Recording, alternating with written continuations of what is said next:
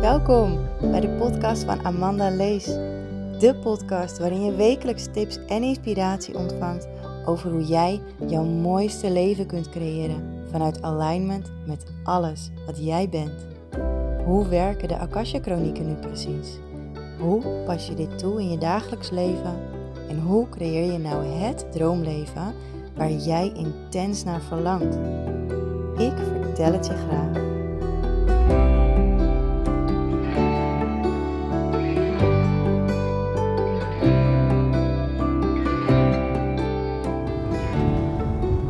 Welkom terug bij mijn podcast.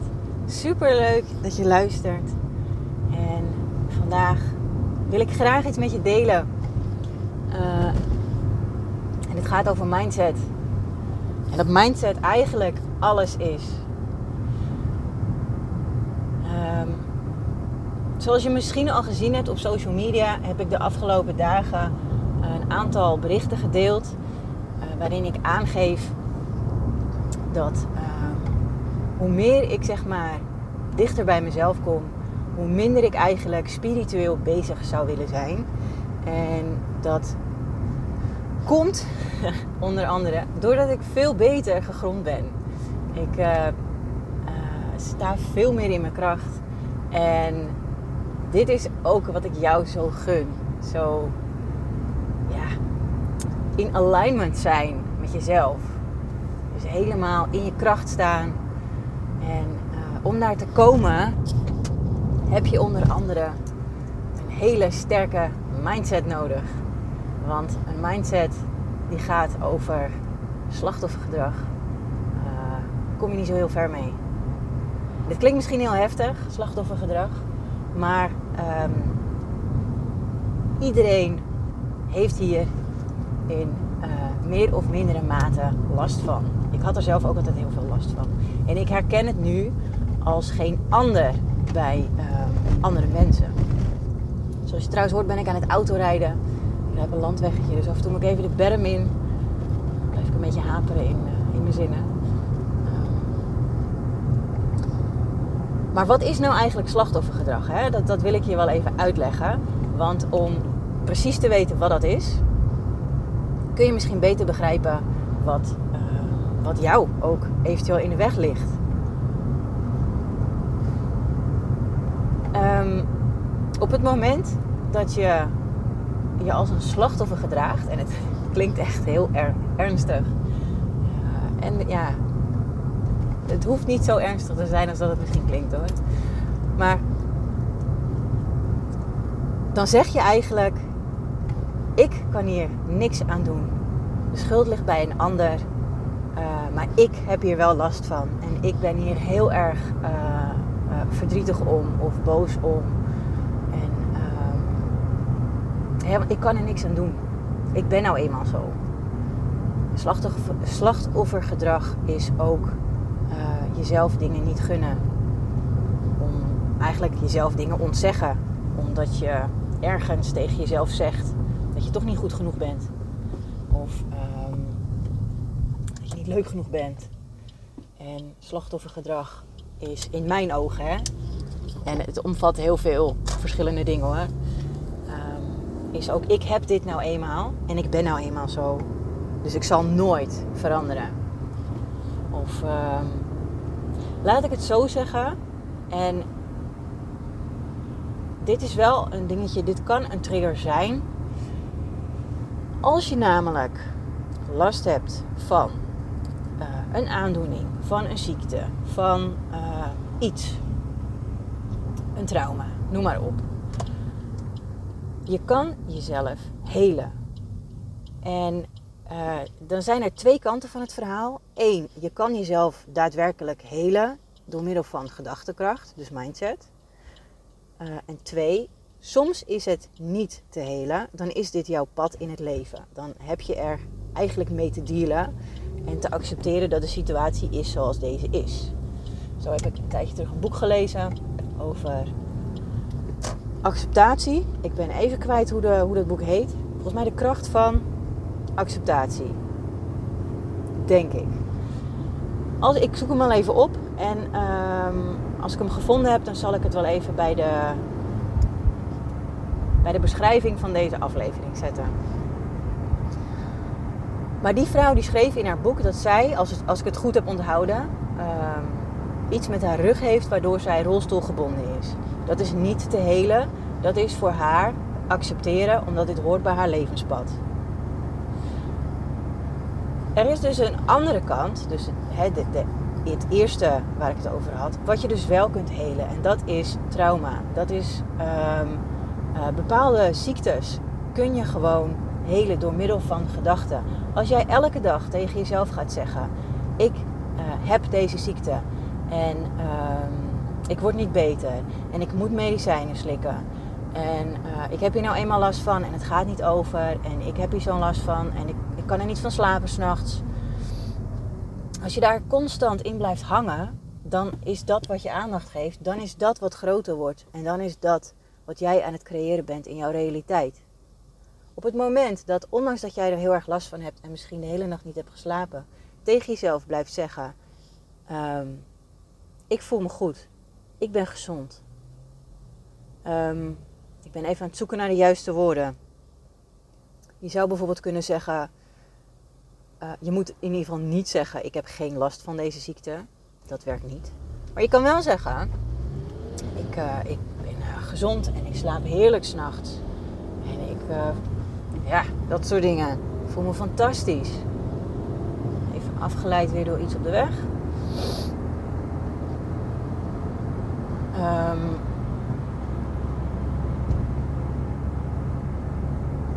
Dus positief bekrachtigen van iets wat je heel graag zou willen.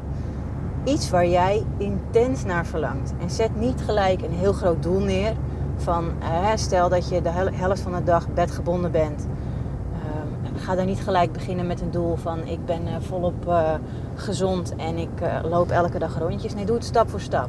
Ik heb vandaag voldoende energie. Of ik heb vandaag zoveel energie. Ehm, ik uh, hoef maar één keer in mijn bed te liggen in plaats van drie keer. Weet je wel? Dus in plaats van drie keer haal je dan weg uit je intentie. En dat blijf je herhalen. En vervolgens laat je het wel los. Want je vertrouwt erop dat dit gaat werken. Oh. Dat is zo leuk hè. Dan komt er een ambulance aan of iets met zwaailichten. En dan gaat iedereen aan de kant. En dan krijg je hele gevaarlijke situaties van. Goed. Waar was ik gebleven? Ik was even afgeleid.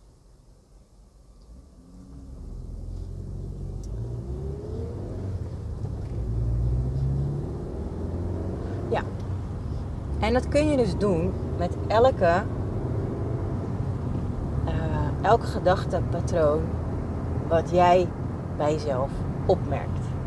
Wat ik trouwens ook wel een hele leuke vind, is hoe meer plezier je maakt, hoe meer flow jij gaat ervaren in je leven.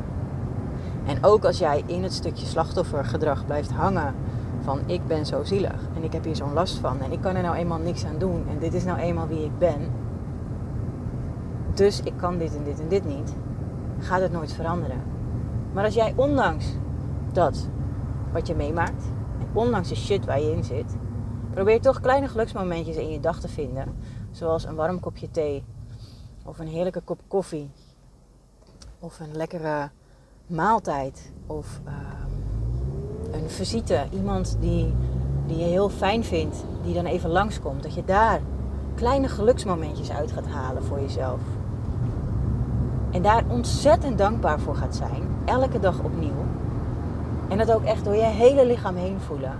Dan zul je merken dat je leven echt een stuk leuker wordt. En dat er veel meer flow komt en veel meer van datgene waar jij blij van wordt, omdat je het jezelf gunt. En um, ik zit hier echt al een paar dagen mee, in positieve zin. Um, weer even afgeleid. Ik ben wel snel afgeleid, hè? Ik zit dus al een paar dagen te denken om een podcast op te nemen. Maar, of een aflevering. Uh, het komt er gewoon niet van. Ik had het druk. En, uh, of het is zelfsabotage. Dat kan ook. Ik wil het heel graag, maar ik doe het niet, want er is altijd wel een reden om het niet te doen. Zeg maar. Dat is zelfsabotage. Daar heeft ook, hebben ook heel veel mensen last van. Of last van. Heel veel mensen doen dat. Het is heel makkelijk. Ja, ik hoef het niet te doen, want.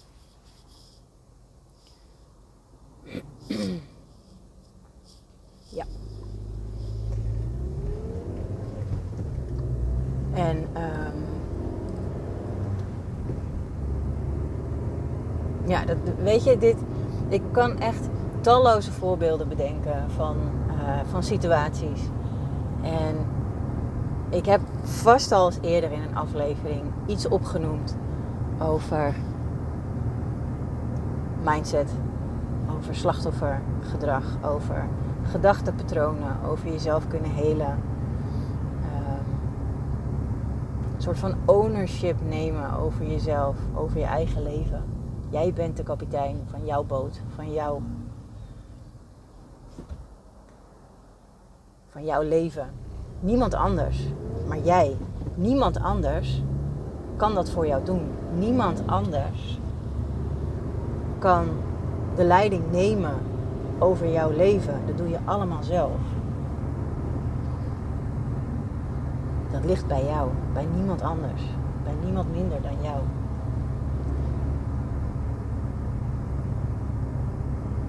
En dat vind ik altijd wel bijzonder. Als je kijkt naar wat we geleerd hebben van kinds af aan. Als kinds af aan, vanaf kinds af aan hebben we geleerd dat je eerst voor de ander moet zorgen en dan pas voor jezelf. Dat je eerst de ander, als je visite hebt, geef je eerst je visite een koekje bij de koffie. Als laatste pas jezelf. En als er dan niks meer over is, heb jij pech. Als een ander maar wat heeft, zo hoort dat. ik hoor ook heel vaak moeders zeggen: Als het maar goed gaat met mijn kind, dan maakt het mij niet uit. Ik wil alle lasten van hem of haar op me nemen. Als het maar goed met hem of haar gaat. Ja, maar lieverd, zo werkt het niet. Want jouw kind heeft zijn eigen pad te bewandelen hier op aarde. En als jouw kind een bepaalde ziekte heeft, dan is dat ten eerste aan jou om goed voor je kind te zorgen. En ten tweede aan je kind om toch dit pad te bewandelen en hier lessen uit te halen. Iedereen heeft een eigen les hier op aarde. sommigen hebben grootse lessen, zware lessen. En anderen wat kleiner en wat lichter. En het heeft allemaal te maken met de keuze van een ziel. Als je dan toch weer terugkomt op het spirituele. Ieder kiest een eigen pad. En uh, ik kan wel zeggen dat ik in mijn leven de pad met de meeste weerstand heb gekozen. Met de meeste hobbels en obstakels. En nu kies ik toch voor het pad. Uh, met het meeste plezier. En de obstakels die ik neem zijn tijdens een, een obstakelrun of een mudmasters. Omdat ik dan bewust kies voor een obstakel om eroverheen te klimmen of onderdoor te schuiven. Maar in mijn leven kies ik nu voor plezier en fun en joy en geluk, harmonie. En overal is wel een les uit te leren. Alleen ik kies ervoor hoe ik die les wil leren. Ik kies ervoor hoe ik iets laat binnenkomen bij mij. Ik. En niet een ander. Een ander kan iets tegen mij zeggen, maar ik bepaal hoe ik daarmee omga. Ik bepaal wat dat met me doet. Niet een ander. Deze gaat wat dieper. En als jij denkt, ja maar, als iemand tegen mij zegt dat ik een uh, vieze, weet ik veel, vieze, vieze, vieze wijf ben of zo, noem maar even wat. Voel ik me aangevallen, want dit heb ik vroeger altijd gehoord, dus dit doet pijn. Ja, maar echt hè. Jij kiest ervoor om het pijn te laten doen. Jij kiest ervoor om het zo heftig binnen te laten komen, omdat jij hier ervaringen mee hebt. Maar wat zou er gebeuren als iemand dat tegen jou zegt en jij denkt: Jij zegt dit tegen mij en dat doet me niks. Dat raakt me niet. Hoe ontzettend gaaf zou het zijn als jij dan heel rustig kunt, blijven en het niet binnen laat komen. Hoe mooi is dat?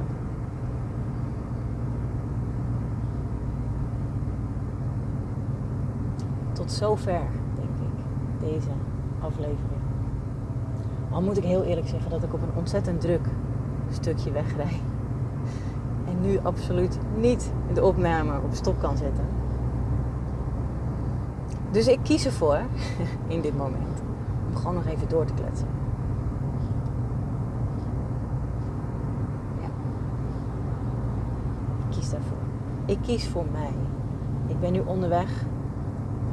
Trainingsweekend voor mij. Mijn zelfontwikkeling. Omdat ik dat belangrijk vind. Omdat ik daar blij van word en gelukkig.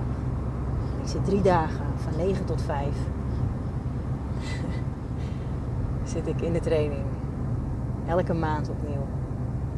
Ik vind het fantastisch. Echt waar. Ik word er blij van. Prachtige mensen mogen ontmoeten waar ik ontzettend dankbaar voor ben. En hoe bijzonder dat ook eigenlijk is, hè? In zo'n, groep. 20 mensen of zo. 20, 25, ik weet het niet precies. En dat we toch elkaar niet echt kennen, maar toch heel gemakkelijk uh, in vertrouwen persoonlijke informatie met elkaar delen. In de, in de grote groep, maar ook in, in kleine groepjes. Uh, omdat het kan en omdat het mag. En omdat we aan het groeien zijn persoonlijk. Omdat we oude shit aan het helen zijn. Nieuwe dingen aan het leren zijn. Dat vind ik mooi. Daar ben ik echt ontzettend dankbaar voor. Dus ik heb er zin in. Ja. Nou, als je tot zover hebt geluisterd, wil ik je ontzettend bedanken. En ik wou zeggen, ik spreek je graag in de volgende, maar jij spreekt terug. Je mag natuurlijk altijd een berichtje sturen. Altijd wat van je laten horen. En uh, dan hoor je mij in de volgende aflevering weer. Wens je een hele mooie dag en tot snel.